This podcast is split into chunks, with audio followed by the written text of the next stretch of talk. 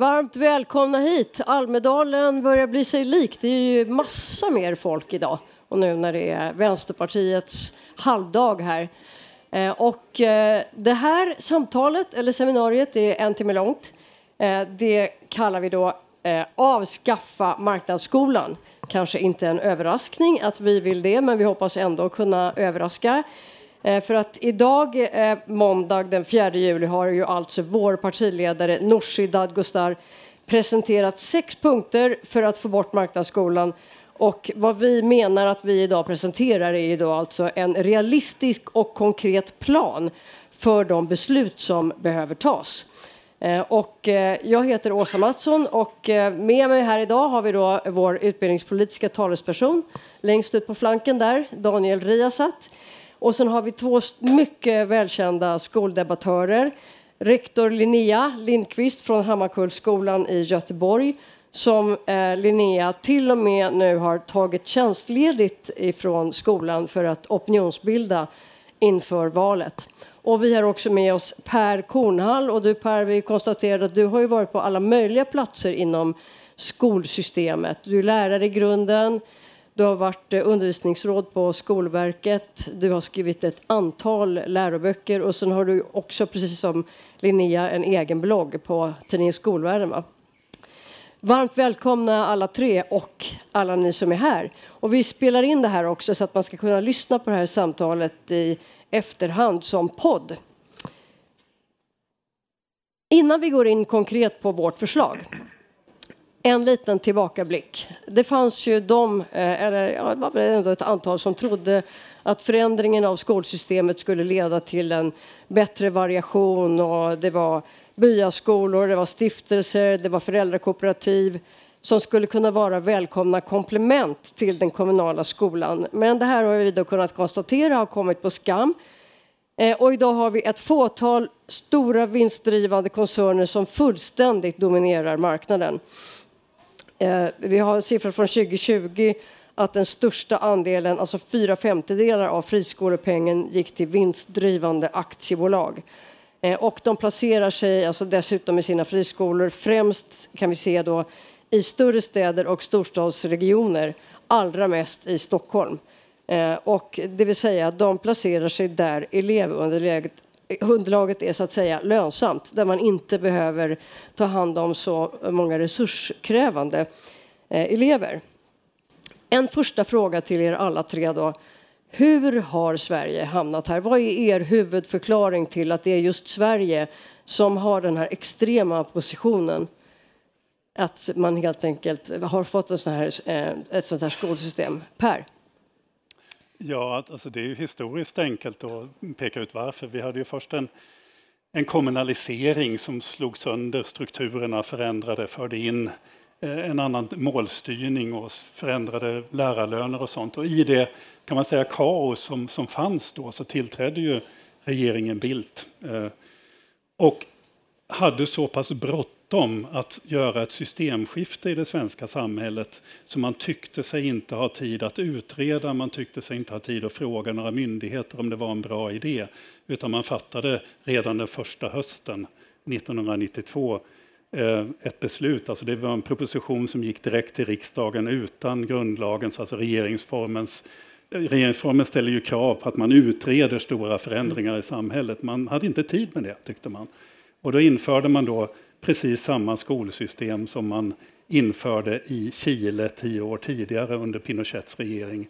Man hade bara tagit en idé från Milton, Milton och Rose Friedmans frihet att välja om att alla föräldrar ska ha en peng och så ska de kunna köpa skola för de pengarna. Den överfördes och den gjordes till ett svenskt skolsystem. Där man också inte satte några gränser för vilka bolag som skulle få göra det här så att det var fritt för aktiebolag och vinstintressen att göra det här. En etableringsfrihet och sen då skolpengssystem och skolval. Det är en, alltså en marknadsliberal eh, dröm. Sen tar det ju väldigt lång tid innan en sån förändring börjar på allvar förändra skolsystemet. För att efter att det beslutet är fattat i riksdagen så händer det inte någonting utan då går ju alla till skolan som vanligt. Alla rektorer jobbar på som vanligt, alla lärare går till sina vanliga skolor. Men över tid så börjar ju det här systemet accelerera. Och det accelererar ju speciellt mycket efter år 2000 när skolpengen blev lika mellan kommuner och, och eh, de här fri, privatskolorna. Friskolor är lite fel term skulle jag vilja uttrycka, men det är en annan mm. sak. Eh, de här fristående skolorna då öppnades ju spelfältet där koncernerna kunde räkna hem en enkel vinst. Och då går de ju naturligtvis in på den marknaden och med de effekter vi och ser. Och placerar sig så som vi nämnde tidigare. Där det också, ja, man gör ju företagsekonomiska val. Ja, precis. Ska vi gå till Linnea? Vad är din huvudförklaringen till att Sverige är så ensamt om den här Nej, men det är ju som Per har sagt, det är mm. historia. Men det som är anmärkningsvärt är också som Per sa, just att man gjorde faktiskt ingen liksom, bred utredning, man tittade inte på för och nackdelar. OECD gjorde ju dock det åt Sverige, men den rapporten eh, diariefördes inte på regeringskansliet, så den vart inte känd. Så att det finns en konsekvensbeskrivning från början på 90. Då gjorde 92. den 92, precis. Men den vart ju... Den, Beatrice Ask har ju sagt sen att ja, men vi tittade på det, men ja, den är inte diarieförd, så den vet man inte. Så det är väl... Och sen så, jag tror inte då, mellan 92 och 97, då var det 5 procent av eleverna hos enskilda huvudmän. Jag tror inte då att man trodde kanske att koncernerna skulle fullständigt liksom mörsa ner skolsystemet som de har gjort. Eh, men när 97 när skolpengen blev lika mellan huvudmännen grundbeloppet då, det var då som skolkoncernerna, för det är också som är viktigt att komma ihåg att du kan inte misslyckas i Sverige som skolentreprenör. Det går inte att misslyckas. Därför att bara du får in elever i klassrummet så har du garanterad intäkt. Och om du då bedriver kostnad till lägre kostnad per elev jämfört med kommunen så har du också ett garanterat överskott. Så att det är ju ett, det är ett väldigt fiffigt system för de som vill eh, eh komma in på skolmarknaden. För det är en säker investering, du kan inte misslyckas. Du, ja. Daniel, jag tänker bara haka på lite grann det här som Per tog upp också med Chile, Pinochet. Alltså, vill du säga någonting om det? Jag tycker ändå att det är någonting som för få känner till. Absolut. Jag skulle vilja börja med att säga, ja. jag, jag, tror att man ändå visste någonstans, eh, inte exakt hur stort det här skulle kunna bli, men att det fanns ändå en plan för att man skulle liksom i grunden förändra hela systemet.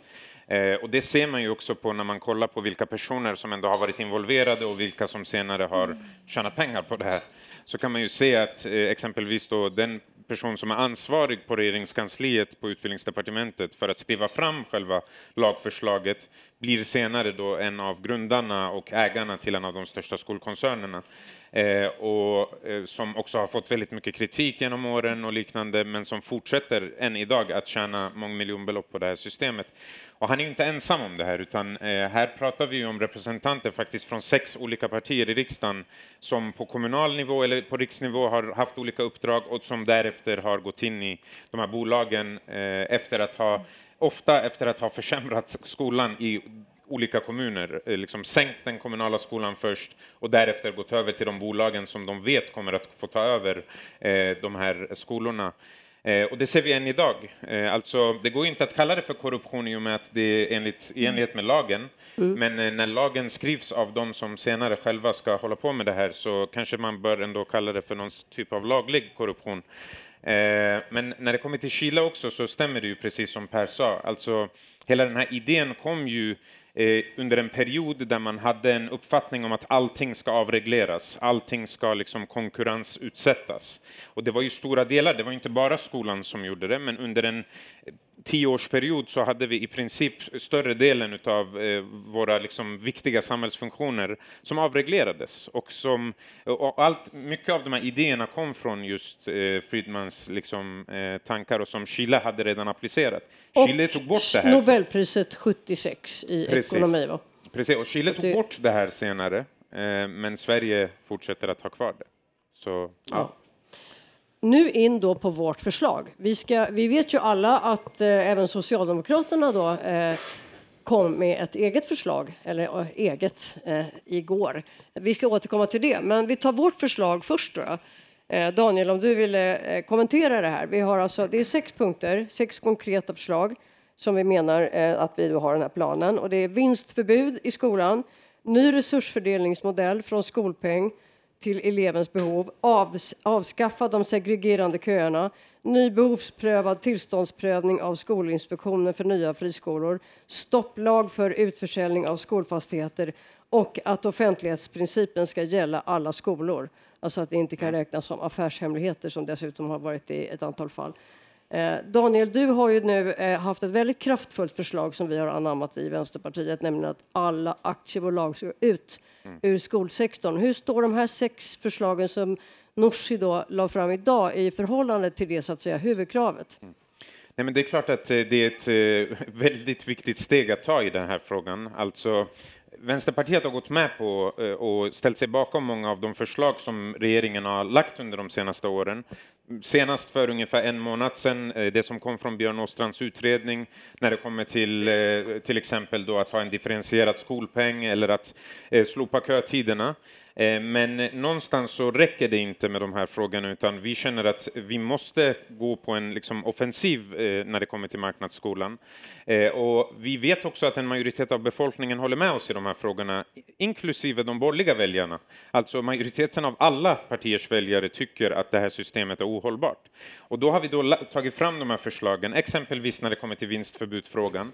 Där har ju vi någonstans ändrat lite vår, vad ska man säga, sättet vi pratar pratar om det här på för att vi vet att 80-90 procent av befolkningen tycker att det är fel att göra obegränsade vinster.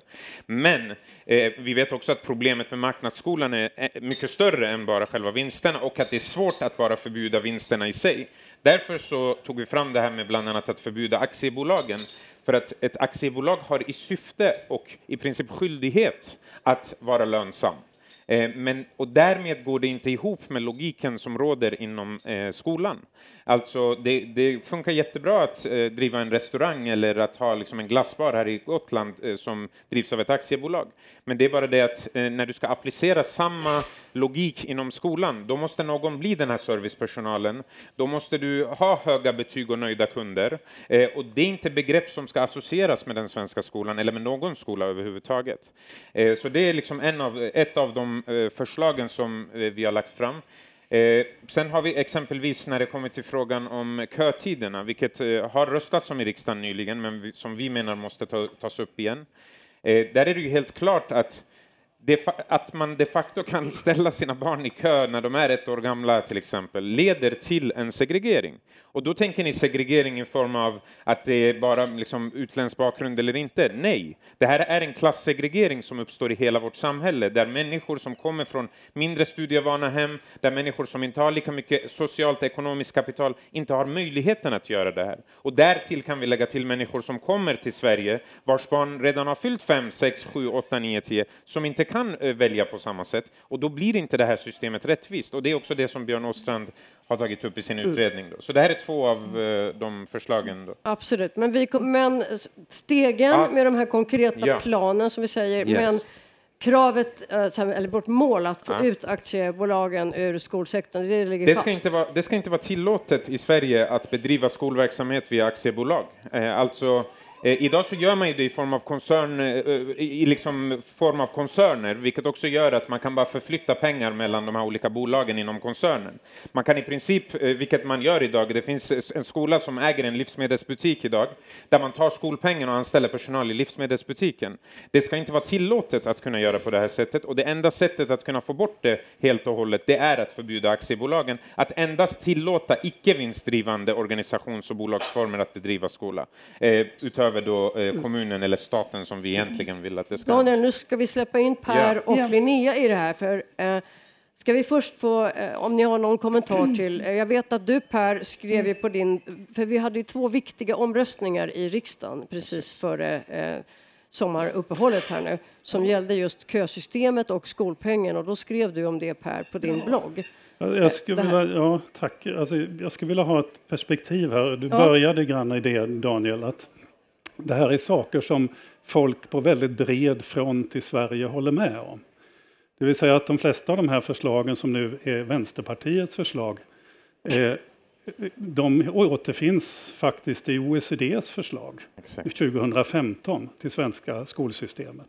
OECD är ingen vänsterorganisation. Eh, samtliga av de här förslagen tror jag stöds av 90 procent av Sveriges lärare och skolledare. Och deras organisationer gör det definitivt. Alltså det här är en väldigt bred förankrad upplevelse i svenska samhället av att det här systemet inte fungerar. Och jag tror att det är väldigt viktigt. För mig är det lite grann Det här är en av de stora problemen här nu. Hur har det kommit sig att en, det som är normalt i de flesta andra länder blir en vänsteråsikt i Sverige? Ja. Ni får ursäkta att jag står här på vänster ja, ja. Eh, i tält och säger det. Mm. Alltså bland de bästa samtalen och tydligaste kritiken jag har hittat mot det här systemet kommer från två moderater. Alltså Robert Wenglén som är kommunalråd i Lomma, som är nationalekonom, och Ann-Marie Paulsson, tillika nationalekonom i Lund. Båda två är då, eh, ja, eh, Ann-Marie Paulsson har ju suttit i riksdagen för Moderaterna till exempel. De, har ju, de, de levererar ju den kanske den mest slagkraftiga kritiken mot det här systemet av, av alla vi som gör det i någon mening. Så jag menar vad vi behöver fundera över är hur kan vi göra det här till en bred fråga?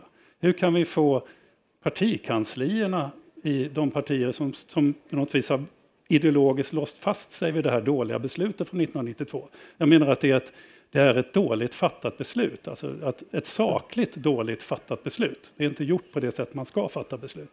Men då binder man sig fast, vid det och det menar jag blir problematiskt. Om man då tittar så är min analys att förslag 1, det är aktiebolagen är problematik. De har fel drivkraft. Alltså de som jobbar i skolan, de organisationerna ska ha som drivkraft barn och unga, inte aktieägarnas vinst. Och det där är någonting som är en självklarhet i de flesta andra länder, i 99 procent av jordens länder. Då. Vi har skolpengen. Här är det jätteintressant att nu har ju Riksrevisionen jag tycker att Riksrevisionens senaste rapport bör vara sista spiken i den kistan.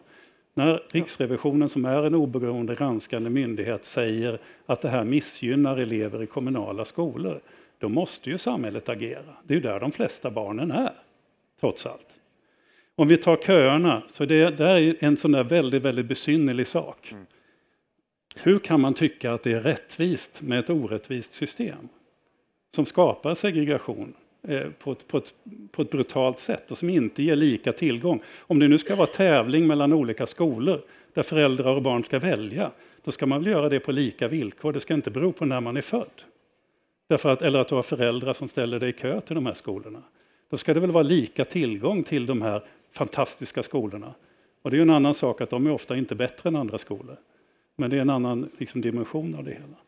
Tittar vi på det kommunala vetot, och så är det till, eller tillståndsprövning använder ju mm. ni som begrepp. Jag skulle vilja då med den styrning vi har införa ett kommunalt veto så att kommuner faktiskt har någonting att säga till om. Mm. Det är de som betalar i det nuvarande systemet pengar, men de har ingen kontroll över hur skolor etablerar sig. Alltså det, det, är inte, det, är inte ett, det är inte ett vettigt system. Och så vidare. Och sen har vi den sista som ju följer av aktiebolagen. Och det är ju att då skoluppgifter blev hemlighet. För några, alltså varken journalister, forskare eller Skolverket hade under en period tillgång till uppgifter om svenska skolor.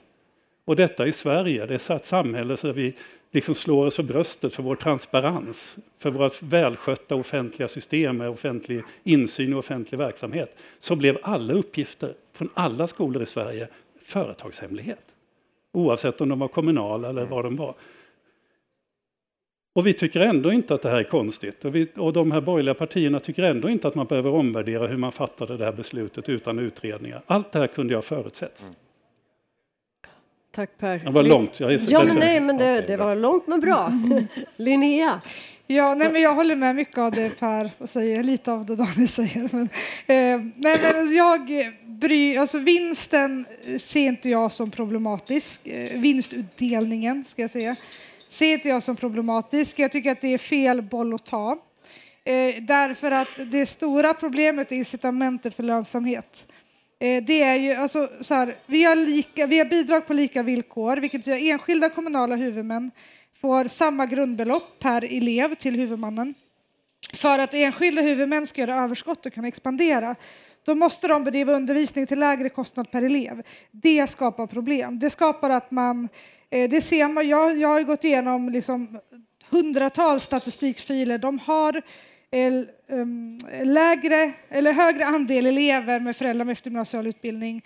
Eh, de har, och det här liksom skapar ju någonstans en jakt på eh, på att, på att göra överskott. De har, de har mindre skolgårdar, färre skolbibliotek, färre specialsalar och så vidare. Och så vidare. Men de får ju betalt för kommunens snitt och det, här är ju, det är det här som jag tycker är det stora problemet. Inte om de tar ut 700 miljoner, en miljard i vinst.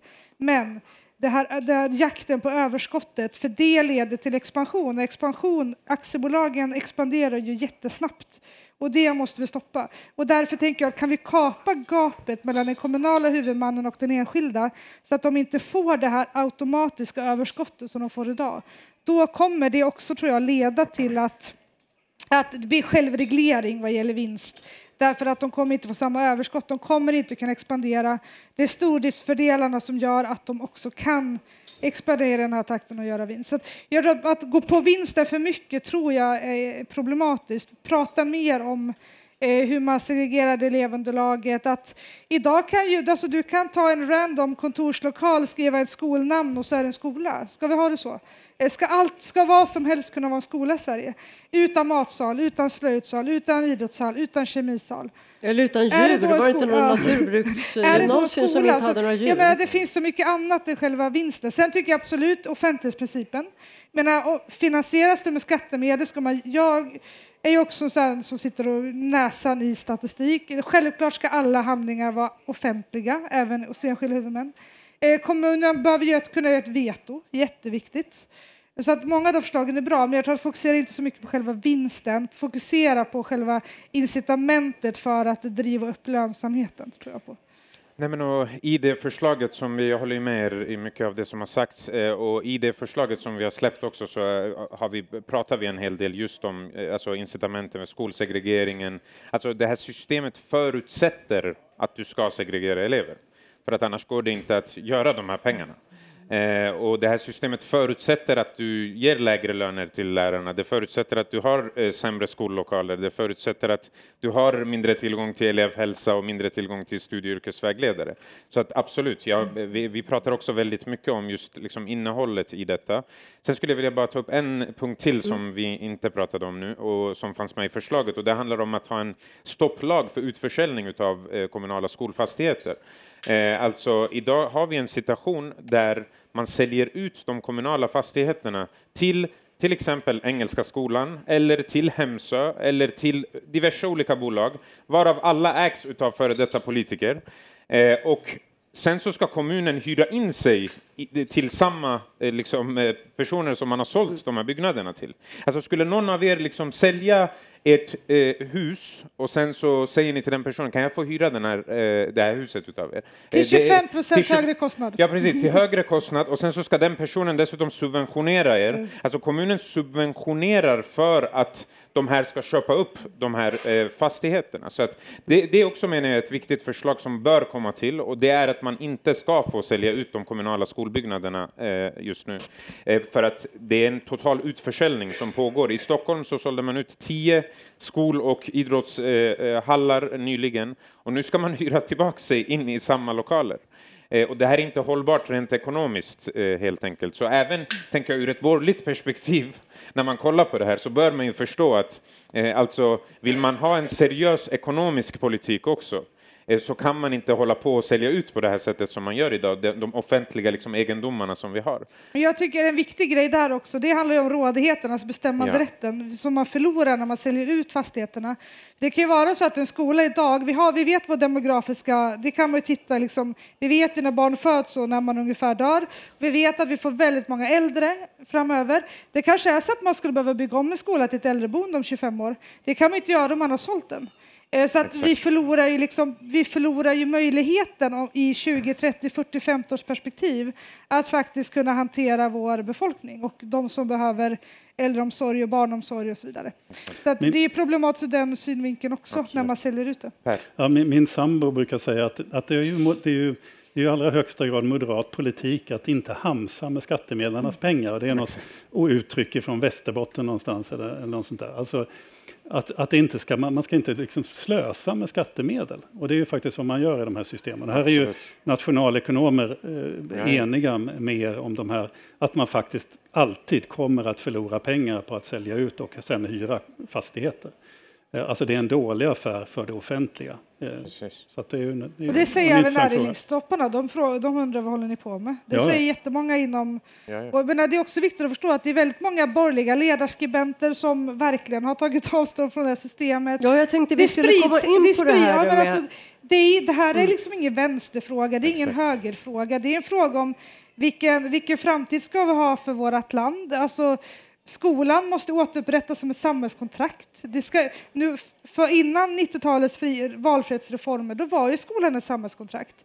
Nu ska man via det fria skolvalet ta ansvar för sina barns utbildning. Vad händer med de föräldrar som inte tar det, kan ha de resurserna? Och då menar jag att då kan inte vi som samhälle liksom bara, ah, ja men strunt i dem. Det kan vi inte göra. Men Linnea, här handlar det ju om mäktiga ekonomiska intressen. Alltså har vi underskattat dem? Um, ja. Ja, det tror jag faktiskt att vi har gjort. Ja. Alltså jag har ju skrivit en bok som heter Korruption i Sverige för ja. ett antal år sedan. Eh, det är klart att vi har varit otroligt naiva i förhållande till lobbyister, till de pengar... Eh, alltså det som Linnea beskrev, det är ju så enkel affär. Eh, så att vi har ju varit otroligt naiva i förhållande till de här företagens skicklighet att politiskt bevara den affär de har. Det är alldeles självklart att de jobbar med all typ av, av lobbyism. De plockar in folk i sina styrelser. Jag har en gång fått ett telefonsamtal från en av de här entreprenörerna som börjar med att jag lyfte luren och så sa han sitt namn och sa vill du vara med och leka? och så beskrev han vad jag då skulle göra, att jag skulle få en styrelsepost och lite sådana här saker. Sen jag, jag ska bara säga att det, det har en rolig knorr på den här historien. Ja. För när jag till slut efter en halvtimme förklarat vad jag jobbade för och han insåg att jag inte alls var intresserad av att vara med och leka. Då slängde han på luren och sa du ger fan i det här och så slängde han på luren. Sen skrev han ett blogginlägg att nu skulle han sluta rädda den svenska skolan. Eh, på grund av en, en kommunistisk skolexpert som hade runda, runda glasögon. Och så. Men alltså, man jobbar alltså medvetet, och han var ju då lite klumpig i det här. Men det är klart man jobbar medvetet för det. Vad ska man göra? Är du VD på ett vinstdrivande företag så är det enda, din enda uppgift att se till att aktieägarna får pengar. Så i sin, att så att säga göra det de är satta att göra är ju att då påverka och se till att inte vi fattar fel beslut. Att de nu kan förändra som de har gjort i Chile beror, tror jag, om man tittar på den politiska analysen, är att där bildades det aldrig några koncerner. Exakt. Alltså det var fanns det enskilda inte, ja, det var små ägare. skolägare. Mm. Många, många, många små skolägare som hade en till tre, fyra skolor.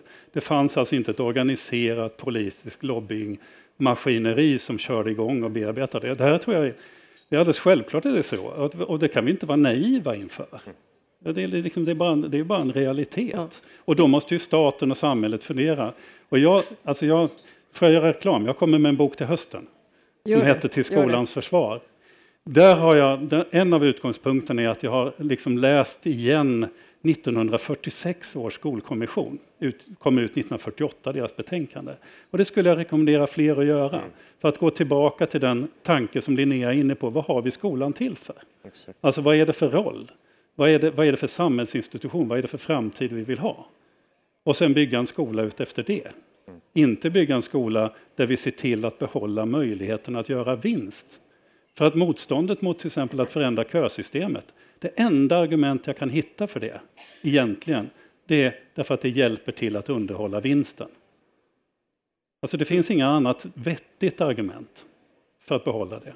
Men den, så kan vi inte bygga en skola, utan vi måste liksom återgå till det här. Vad har vi Daniel, det här till jag tänkte vi ska komma in på nu ja. den här situationen där nu Socialdemokraterna ändå har kommit med ett förslag som ändå liknar mm. vårt. Eh, och eh, Magdalena Andersson uttryckte sig ändå relativt kraftfullt får man säga när det gäller ambitionen att få bort vinsten. Men hur tolkar vi det här intresset som nu så att säga ändå stegras både hos Socialdemokraterna men även då inom borgerliga läger så att säga. Även om det inte är just bland de som själva har det ekonomiska intresset kanske, men i alla fall. Linnea, du har ju varit ute och lobbat här nu. Ja, men jag, jag har ägnat mig åt lite hobbylobbyism de senaste åren. Jag tror att det har hjälpt att, att både jag och många med mig, Markus Larsson, Åsa på Tankesmedja Balans, Per har skrivit sin blogg, alltså många, Johan Enfeldt, Johan Ernestam och så vidare, Jonas Flachos som är nationalekonom. Vi är väldigt många som har tryckt på väldigt många exempel vi matar hela tiden nya. Jag har läst 1100 skolbudgetar. Jag, jag har liksom över tusen exempel i min fritid. dator. På min fritid. Jag har över tusen exempel i min dator på hur kommunerna dräneras på resurser när, när framförallt skolkoncerner etablerar sig. Och jag tror att någonstans har vi tvingat dem att de måste ta i frågan nu. Därför att det är allt fler i befolkningen som förstår att det här systemet är inte bra för vår framtida kompetensförsörjning till exempel. Jag har till exempel fått ett arbetsstipendium för att vara tjänstledig nu eh, fram till valet. Det har jag fått av två miljardärer i näringslivet som är, som är jättearga på att på att det här förstör kompetensförsörjningen. De ser det själva, vi får inte ut bra ingenjörer, vi får inte ut folk som, som faktiskt eh, liksom har den kvaliteten de hade för 20 år sedan. Eh, och, så att, att så det, är, det, här är liksom ingen kommunistisk rörelse. Det här handlar, det här handlar ju om det, liksom det grundläggande samhällsansvaret som skolan är. Eh, och det är därför som borgerligheten har tvingats, vi har tvingat dem att flytta positioner. Jag var på ett seminarium innan den här debatten eh, om just eh, likvärdig skola. Där stod både Moderaterna och Centern och sa så men självklart ska vi ha en finansieringen. Efter valet ska vi sätta oss och vi ska, kommunerna kommer få ansvar och vi ska, vi ska se över skolpengen. Det hade de aldrig sagt för ett år sedan. Nej, men och så röstade de ju ner för en månad sedan. Pusha. Ja, och så är det valrörelse dessutom. Ja.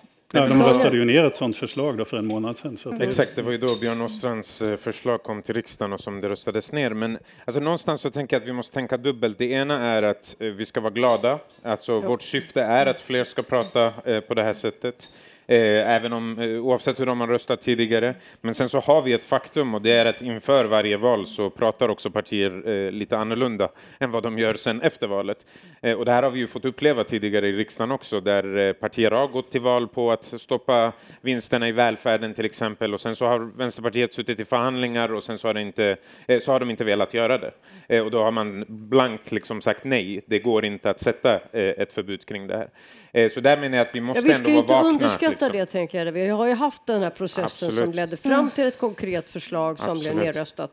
Vad har det för betydelse?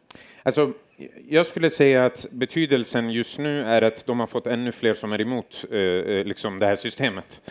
Eh, ju, ju, fler som får höra och se om det här systemet, eh, alltså på djupet, ju fler som får höra Per eller Linnea eller andra debattörer inom de här frågorna, desto fler kommer att vara emot det. Men också ju fler som får höra de borgerliga partierna prata om de här frågorna så kommer det vara fler som blir emot det. För att det finns ingen logik, det finns ingen fakta, det finns ingen forskning bakom någonting av de förslag som liksom de, de har lagt fram de senaste eh, ja, tio åren i alla fall. Eh, och därför eh, så menar jag att det har ändå en betydelse. Eh, självklart hade vi velat få igenom det här, men jag tror att det har aldrig funnits så stark rörelse emot marknadsskolan som det finns idag, eh, om vi ska se på en ganska, eh, under en ganska men, lång tid. Men hur allvarligt är läget? Är det inte så att det har gått väldigt långt också och blir svårt att vända det här? Det är, därför vi behöver, det är därför vi behöver börja sätta in bromsar. Och en broms mm. är ju differentierad skolpeng. Ja. Som jag sa har vi bidrag på lika villkor och det är ett problem eftersom att den kommunen, hemkommunen har ju, har ju huvudmannansvaret. Vi måste se till att varje, varje elev har en skolplats för att vi har skolplikt. Men man kan inte ha skolplikt utan att garantera en skolplats och kommunen har av staten fått det ansvaret. Men det utgår noll kronor ersättning för det. Så att det är ju ett, och menar, får vi in den bromsen så att vi, tar, så vi minskar det här glappet mellan undervisningskostnaden hos friskolor och undervisningskostnaden hos kommunen. Och vi minskar det glappet så blir det lite självreglering och sen får man ta ett steg till och ett steg till. Offentlighetsprincipen kommer göra skillnad. Eh, om man inte får sälja ut fastigheter, man börjar titta på aktiebolagen. Alltså. Vi får göra ett batteri från olika mm. håll som till slut kommer skapa en mer likvärdig skola. Per, hur alltså, långt skulle, har förstörelsen gått av svensk nej, Jag skulle skola? bara vilja säga, för en, en ja. jag ska svara på den frågan ja. med, med, med, ett, med ett, ett, citat från en amerikansk forskare. Men, men först skulle jag bara vilja säga att det var ju majoriteten av de som röstade i riksdagen 1992 eh, såg inte framför sig det här. Då hade man inte röstat ja. Mm. Alltså, och det här gäller också de flesta borgerliga politiker. Jag pratade med Beatrice Ask som var skolminister och hon menar att det här med koncernerna var ingenting som hon såg framför sig. Det, var, det är någonting hon inte är bekväm med. Det gäller nu i allra högsta grad också, också Liberalerna och de andra. De är, inte, de, är inte, de är inte egentligen bekväma med det som har vuxit fram. Det fanns en grupp i Moderaterna som i allra högsta grad ville ha just den här utvecklingen, bland annat då Anders Hultin Eh, och Deiken och, och, och, Carl Bildt. Och, Carl Bildt och, och, det fanns ett gäng inom Moderaterna som såg framför sig det här. Men det var inte, de som, det var inte deras argument man röstade för. Det man röstade för var, var liksom frihet att välja fri, småskaliga skolor och små ägare och sånt där. Så att det har blivit någonting helt annat av det här. Ett av de mest fasansfulla resultaten som jag tycker är intressant och det ligger på en helt annan dimension än, än siffror och statistik om skolor och sånt. Det är den, en av dem som vi hade med i en antologi som vi kom ut med, Marknadsskolan eh, 30 år, på Natur och kultur här i våras, eh, så är det Richard Elmore som är en forskare i USA. Tyvärr har han avlidit. Men han var i Sverige 70, på 70-talet som doktorand. Han var här med den kommission från OECD som var här och, och skrev en vansinnigt kritisk analys av Carl Bildts regerings regerande 1992. Eh, han var sen tillbaka i OECDs kommission 2015. När det gäller då 2015 så skriver han att det som skrämde honom mest, och det är hans egna ord, var intervjuerna med föräldrar på fristående skolor. För de sa till honom, vi är så glada att vi slipper ha våra barn med de barnen. Och det säger även och det menar han, i Sverige. Ja, och det menar han, precis. Men det menar han var så sorgligt och så skrämmande. För det Sverige han kände, där skulle ingen ha sagt så. Mm. Men nu var det, åh vad skönt att vi slipper ha våra barn med de där eh, blattarna eller mm. svartskallarna. Eller för den delen med de som har en annan religion än vi. Eller, eller vad vi nu hittar på för segregeringsskäl. Linnea, håller du med att föräldrar väljer bort barn så att säga från, ja, med fel det, hudfärg, det, fel klass. Det kan man bara se Hammarkullen. Jag är faktiskt min specialpedagog, hon har jobbat 37 år på Hammarkullskolan. Jag gjorde en intervju med henne nu för hon ska gå i pension så att vi satt och pratade i en halv dag. Eh, och hon sa det att när hon började på skolan så var det 50 procent elever med svensk bakgrund, så var det 50 procent av blandad andra. Eh, nu har vi 100 procent elever med utländsk bakgrund på skolan. Eh, det bor fortfarande svenskar i Hammarkullen, men de väljer inte de skolorna. Och det, så, så, så är vi på alla ställen och det, så är det. Men vad jag tänker, vad vi behöver, sen är det också viktigt att tänka, man pratar mycket om fritt skolval och det ska man värna. Det är liksom ett mantra, vi måste värna det fria skolvalet. Eh, för det första har vi inget skolval, vi har ett önskemål om skola. Vi behöver ju, som ni har sagt, också ta bort köerna. Så att alla föräldrar kan önska samtidigt få samma regler. Det ska. Konkurrensverket har varit in, är jättetydliga med att de vill att det ska administreras bortom huvudmannen för att få bort liksom fiffel med eh, vilka elever man tar in och så vidare. Så det finns så mycket saker vi kan göra för att strama åt det. Eh, och där tycker jag att politiken också måste lyssna mer på... Ja, men Konkurrensverket har kommit in jättebra IFAU som utvärderar utbildningspolitiska reformer. Eh, man, man tar inte riktigt till sig heller av... Konkurrensverkets remissvar på Björn Åstrand är ganska skarpt, tycker jag. Så att, där har ju ni, inte just du, men andra politiker som, inte, som tycker det här är bra, har ju läxa att göra där, tänker jag. Daniel, vill du kommentera ja. den här allvarlighetsgraden av den här mm. processen, så att säga? Ja, nej, men precis. Alltså, jag tror att om man bara lägger undan själva liksom, siffrorna och alla sådana saker så tror jag också på samma spår som Per att eh, alltså vad händer med ett samhälle när elever separeras från varandra från tidiga åldrar? Alltså vad händer med dem senare när de ska ut i fritidsliv och samhällsliv och föreningsliv och, och inte har fått lära känna andra barn som kommer från andra hem och från andra bakgrunder och liknande. Eh, alltså någonting som ändå stärkte vårt samhälle väldigt mycket och som bidrog till det här kompensatoriska eller vad man ska säga eller som eh, kunde skapa en, sammanhåll, eh, en sammanhållning i vårt samhälle. Det var att du kunde ha överläkarens barn och så kunde du ha eh, städerskans barn och du kunde ha eh, liksom, eh, pilotens barn och du kunde ha alla möjliga som eh, tillsammans gick i en gemensam jämlik skola.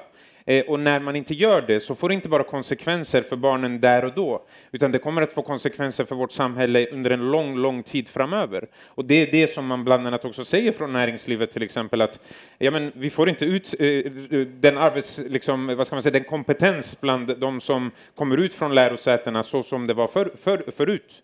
Eh, och det här är ju ett problem. Alltså, vi har elever idag som kan få jättehöga betyg på dessa skolor men sen när de kommer vidare till universiteten eh, så visar ju statistiken att de får inte lika bra, de klarar sig inte lika bra som eleverna som har gått till exempel i kommunala skolan. Och då ska jag inte säga att kommunala skolan har enorma problem, men då måste man se till vad är grundorsaken till att kommunala skolan har enorma problem. Alltså bortsett från att det är 290 kommuner och alla har olika förutsättningar och allt det här och att skolan egentligen kanske bör ha statligt huvudmannaskap, så bör man ju också kolla på, okej, okay, när startade dessa problem?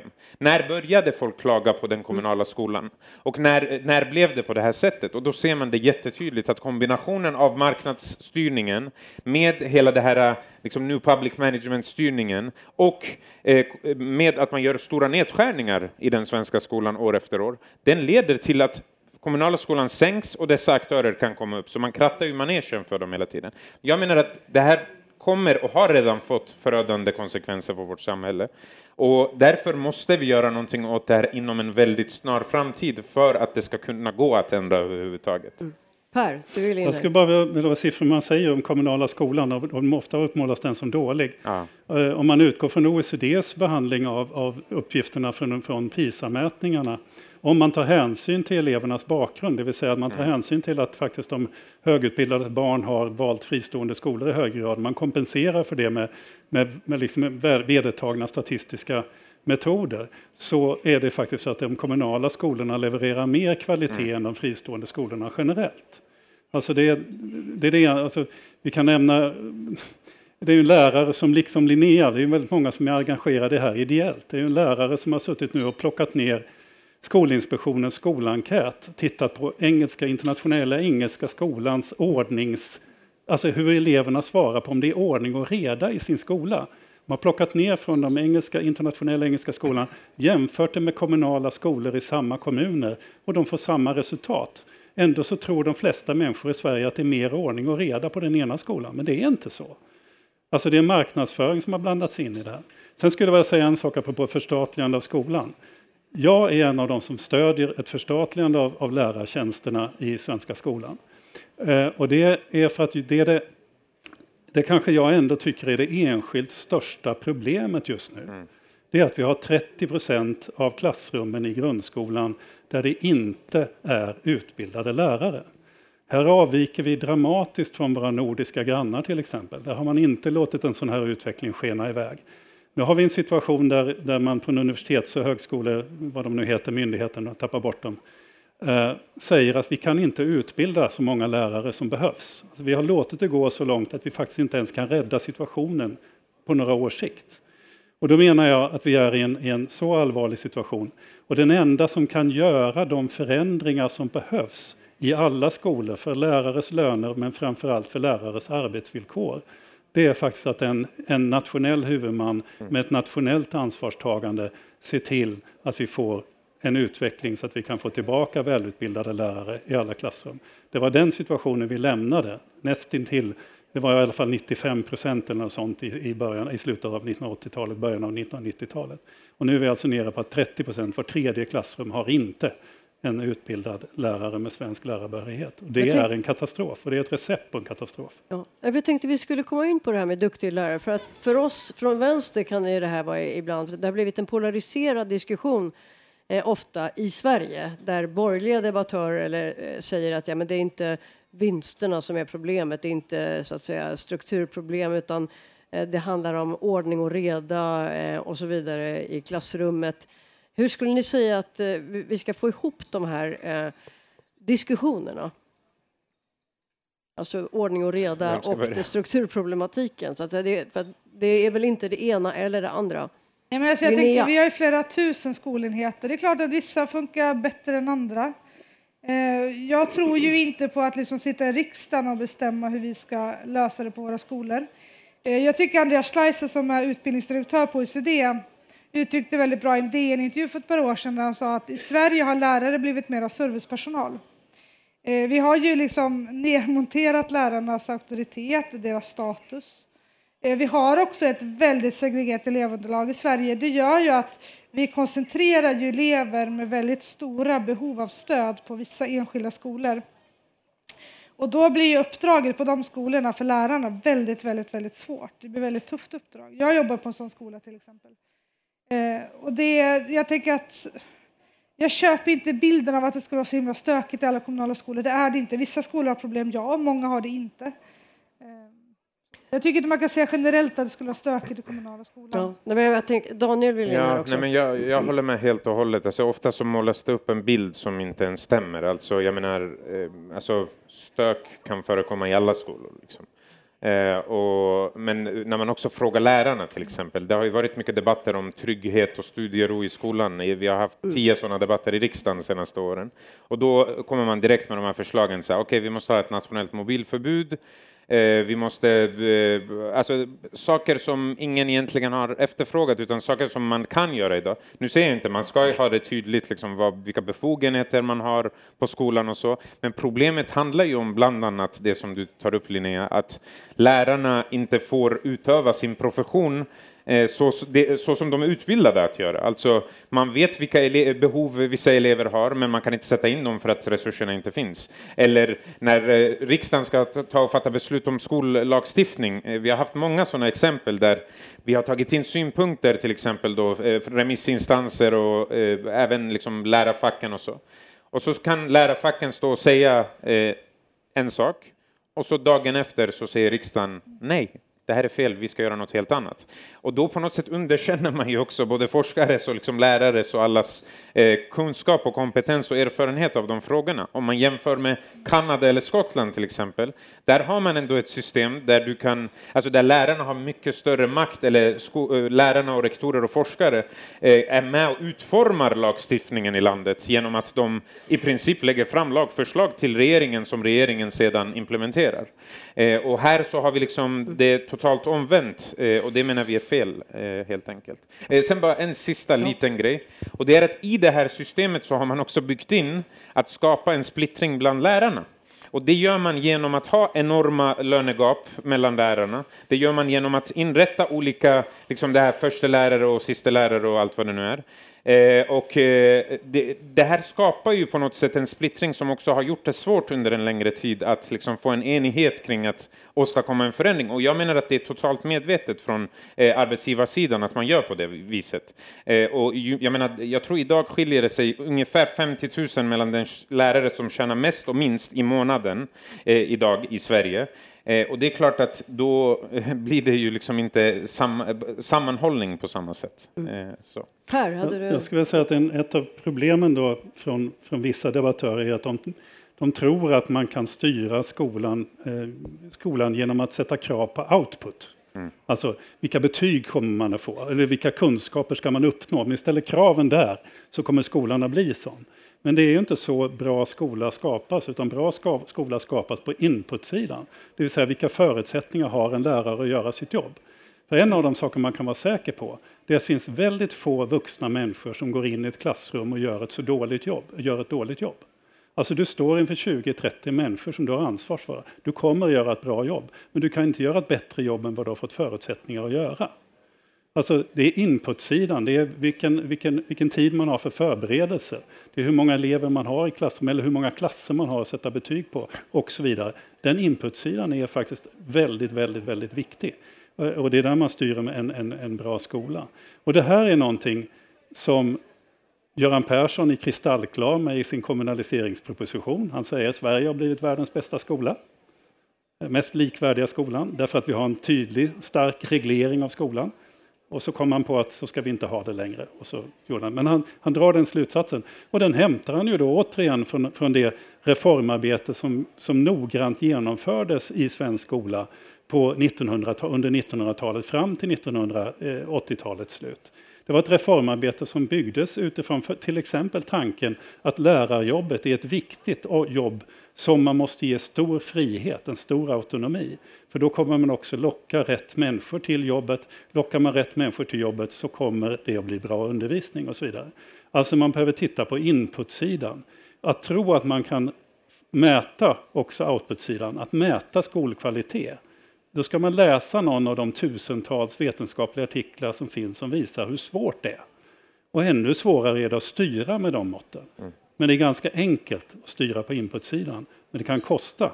Och det måste, då måste vi tillåta de professionella att ta ansvar i sina klassrum och ha möjligheter att göra det. Jag tänker också en jätteviktig sak.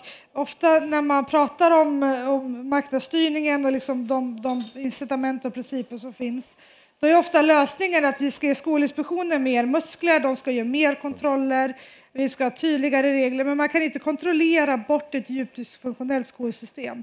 Vi kan inte kontrollera fram en bättre finansiering, vi kan inte kontrollera fram en mer rättvist skolval. Så att det, det automatiska svaret som kommer på ren impuls varje gång du pratar med, om marknadsskolan med, med de som tycker att systemet är bra är ju alltid, ja men Skolinspektionen måste få mer befogenheter att kontrollera. Men det är helt fel väg att gå. Vi ska ta bort incitamentet som kräver att vi behöver kontrollera. Mm. Jag tänker svaret ifrån, vi pratade om, alla är överens om att det här handlar om mäktiga ekonomiska intressen som är i spel och som nu är hotade. Eh, jag noterade att en av huvudarkitekterna bakom det här, Peje Emilsson, som grundade. Kunskapsskolan och tidigare tillhörde Moderaterna ändå så att säga ställde upp i tv mot dig mm. i det här Sverige möts. Mm. Det är ju ett typiskt tecken på att de känner att de måste visa sig. Eh, och sen är det ju också ett antal så kallade friskolor då som också påstår att de visst har ett sammansatt elevunderlag. Eh, det har ju gällt eh, Academedia, eh, stiftelsen Viktor Rydberg har startat en skola i Fisksätra och Internationella Engelska Skolans Barbara Bergström brukar också vara mån om att framhäva att det minsann går elever med utländsk bakgrund i hennes skolor. Ja, det gör det ju, men de har ju högutbildade föräldrar. Det är ja, det som är skillnaden från kommun, kommunens skolor. Ja, Per, ja, nej, men det, alltså det, det, går inte att komma undan statistiken som tydligt visar. Till exempel mm. när det gäller internationella engelska skolan så är det att det är högutbildade barn. Så det är en tydlig segregation på den nivån.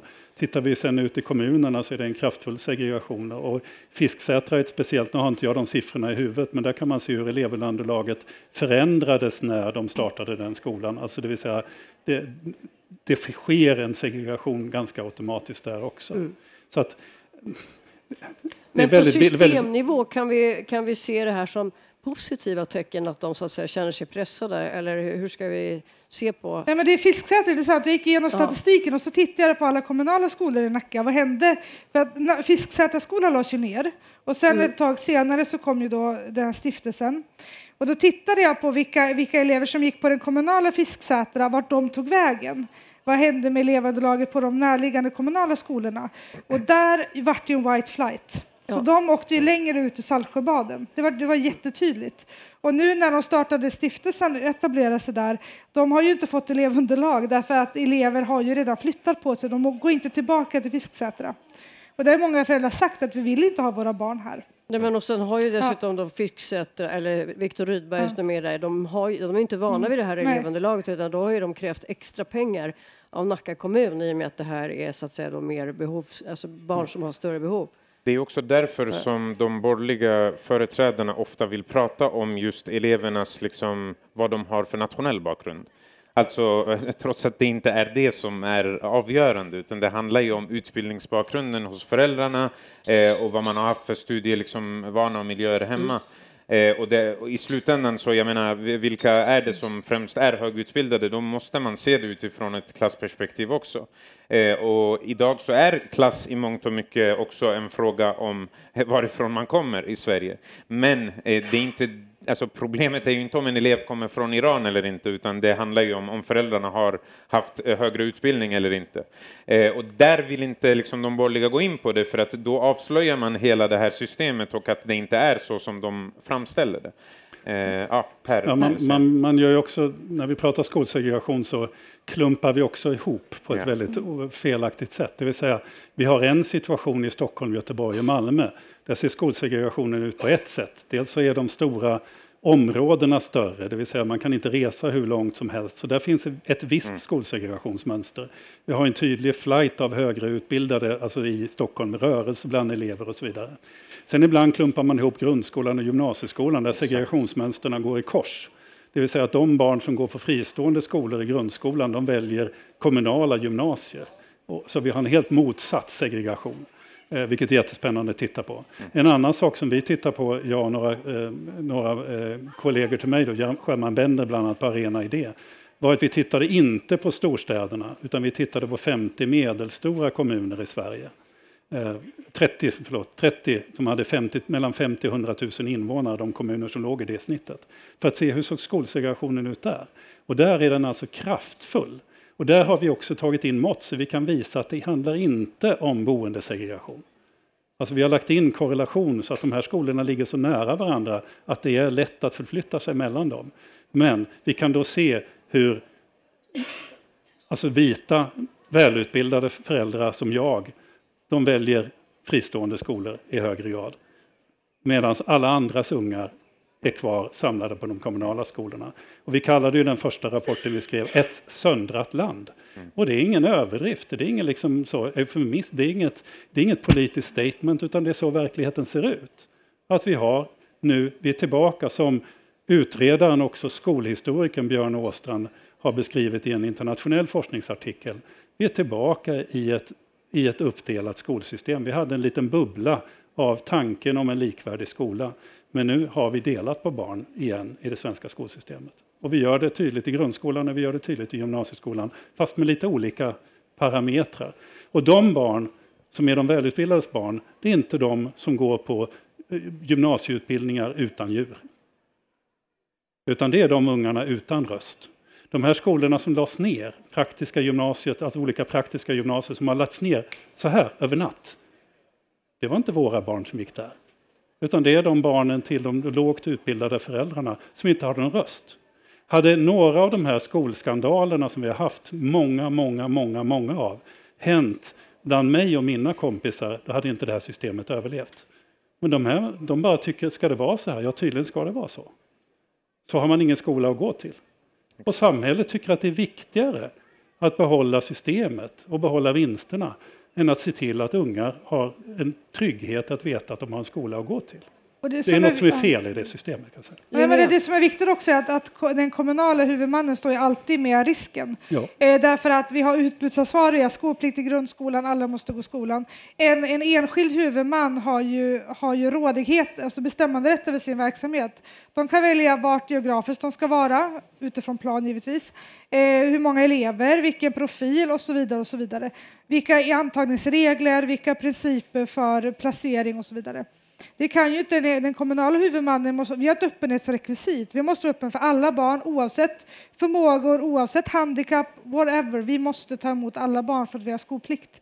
Och det blir också då är det helt orimligt att vi har samma peng. För att, som Göteborg har man ju stängt, eh, till exempel Vetenskapsskolan hade 450 skolplatser. Vi hade tio dagar på oss att lösa det. Nu är det en stor stad så det gick, men det kanske hade varit jättesvårt i en mindre kommun. Eh, så då är det helt orimligt att kommunen alltid står med risken. Vi, vi, vi finansierar de enskilda huvudmännen. Vi har noll insyn i vad de gör med de skattemedel. Och det står i kommunallagen att skattemedel ska, får ej liksom lämna medborgarnas bästa. Eh, och då är frågan, är det här skolsystemet förenligt med kommunallagen? Det kan man ju diskutera. Ja, jag tror vi får börja runda av, ja.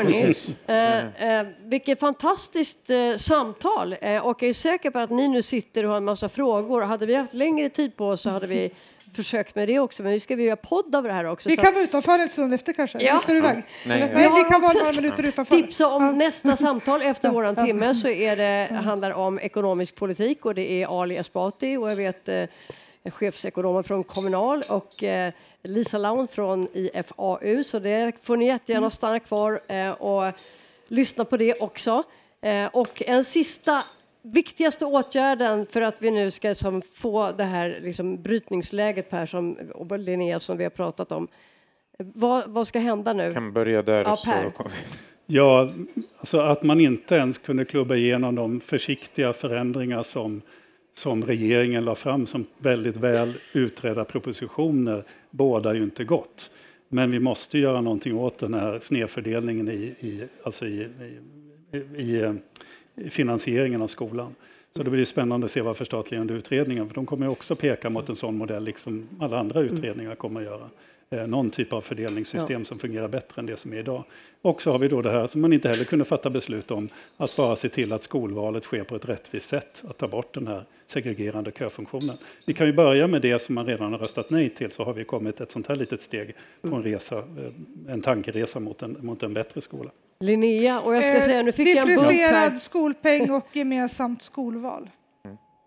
Och jag skulle säga också att eh, jag håller med om bägge de eh, idéerna, men också eh, liksom skulle jag egentligen vilja slå ett slag nu på slutet här, har vi vårt förslag, så de som är intresserade, eh, kom, fram och ta ett ex. Ni får jättegärna läsa det och det kommer att läggas upp på nätet om inte det redan har gjorts också. Eh, det är alltså sex förslag som Vänsterpartiet har släppt för hur vi avskaffar marknadsskolan eh, och vi tror och hoppas verkligen att Jaha, tillsammans med liksom den rörelse som har skapats de senaste åren, att vi kommer att kunna åstadkomma en förändring i den här frågan. Och, eh, Ja, så att eh, jag tänker så här, vill man ha en förändring inom det här området, eh, då handlar det om att gå på originalet och inte på kopior. Eh, och då finns det bara en röst som har sagt samma sak sedan 90-talet och framåt kring den här frågan och det är Vänsterpartiet. Tack. Jag kan också säga, jag har gjort en rapport som heter grund, ja. Nyckeln till grundskolans finansiering. Jag har gått igenom 1100 skolbudgetar och alla resursfördelningsmodeller. Så här kan man få facit hur, hur kommuner hanterar strukturersättning för socioekonomi och, eh, så, den kan man ladda ner från min blogg, rektorlinnea.com. Eller, ja, om man Någon borde ge Linnea en medalj. tack ja, så mycket. Stort tack Linnea Lindqvist, Per Kornhall och Daniel Riasat. Och tack till alla er.